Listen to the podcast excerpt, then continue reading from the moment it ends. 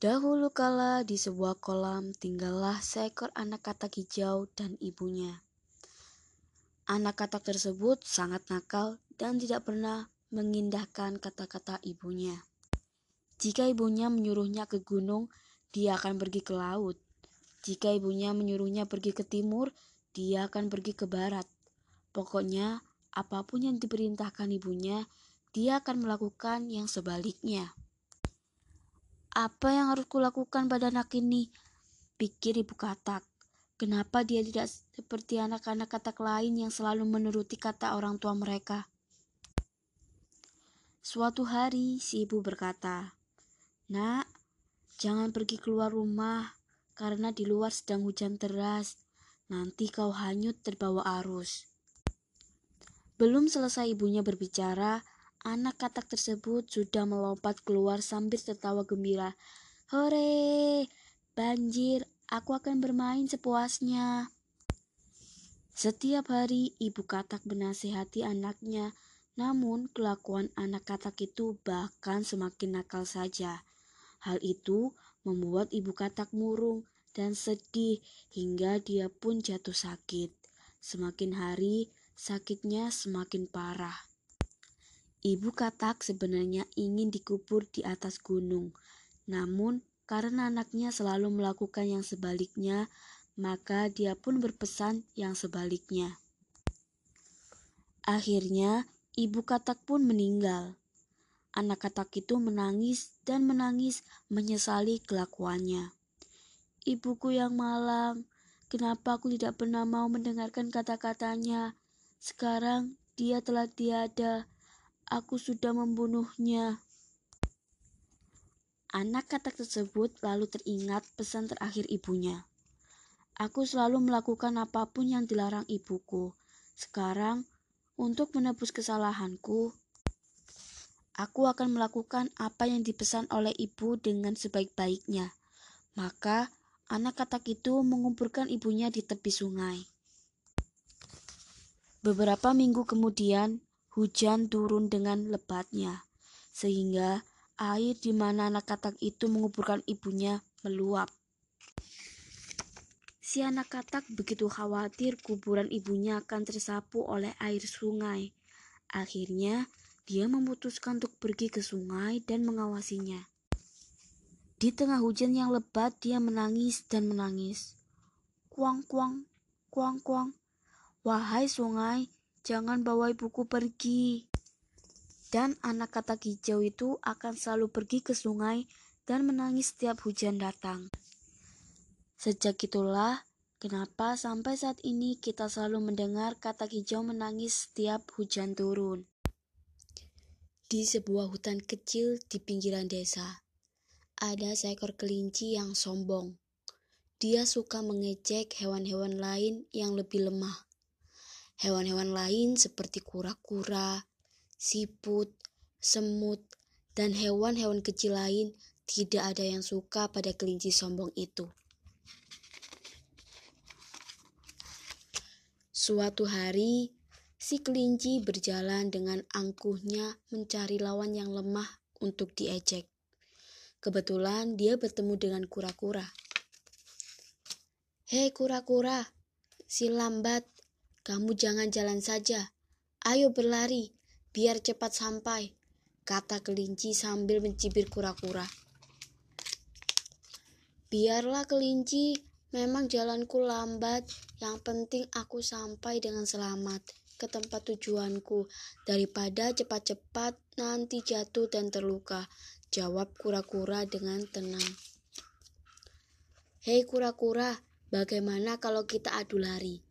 Kalau kau bisa menang, aku akan beri hadiah apa pun yang kau minta, kata kelinci dengan tertawa. Dalam hatinya dia berkata, mana mungkin dia akan bisa mengalahkanku. Wah kelinci, mana mungkin aku bertanding adu cepat denganmu.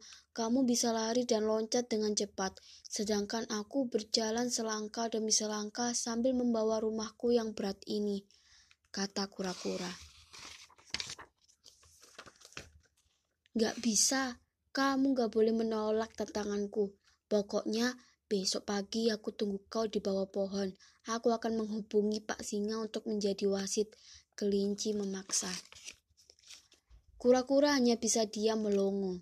Dalam hatinya berkata, mana mungkin aku bisa mengalahkan kelinci. Keesokan harinya si kelinci sudah menunggu dengan sombongnya di bawah pohon.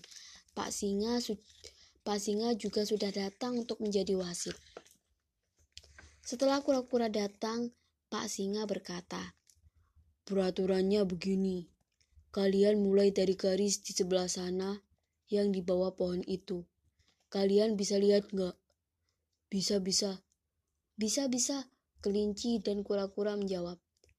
Nah, Siapa yang bisa datang duluan di bawah pohon ini, itulah yang menang, kata Pak Singa lagi. Oke, satu, dua, tiga, mulai. Pak Singa memberi aba-aba. Kelinci segera meloncat mendahului kura-kura yang mulai melangkah pelan karena dia tidak bisa meninggalkan rumahnya. Ayo kura-kura lari, teriak kelinci dari kejauhan. Baiklah, tunggu di sini ya. Baiklah, aku tunggu di sini ya, kata katanya lagi sambil mengejek kura-kura. Kelinci duduk-duduk sambil bernyanyi. Angin waktu itu berhembus pelan dan sejuk, sehingga membuat kelinci menjadi mengantuk. Dan tak lama kemudian, kelinci pun tertidur.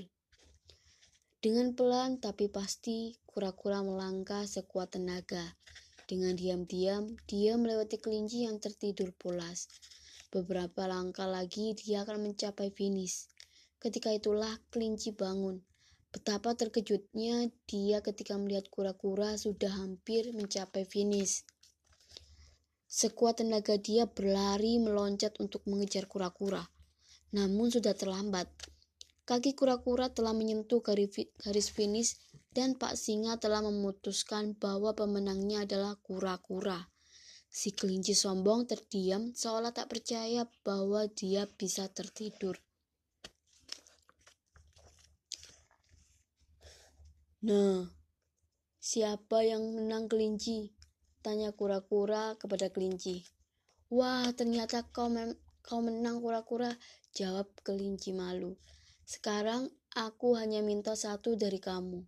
Kamu jangan sombong lagi, jangan suka mengejek lagi, dan jangan nakal ya, kata kura-kura. Iyalah, kura-kura, mulai sekarang aku tidak akan sombong lagi, tidak akan mengejek lagi. Maafkan aku ya, kata kelinci. Iya, nggak apa-apa. Sekarang kita berteman. Kata kura-kura Sejak saat itu kelinci tidak sombong lagi. Nah, dari cerita kura-kura sang juara, merasa mempunyai kelebihan, kelinci suka menghina binatang lain. Kelinci suka menghina kura-kura yang jalannya lambat dan tidak bisa berlari sekencang dirinya. Kelinci mengajak kura-kura untuk lomba untuk lomba lari. Kura-kura sadar tidak akan bisa mengalahkan kelinci yang larinya sangat cepat dibanding dirinya. Kelinci yang sombong tersebut tertidur di tengah perlombaan. Dia berpikir kura-kura tidak akan bisa mengejar dirinya, walau berlomba sambil istirahat. Dengan sekuat tenaga dan penuh perjuangan, akhirnya kura-kura menyentuh garis finish lebih awal dari kelinci. Adik-adik tidak boleh sombong, walaupun mempunyai kelebihan dari orang lain – kita harus menghargai dan menghormati orang lain. Terima kasih.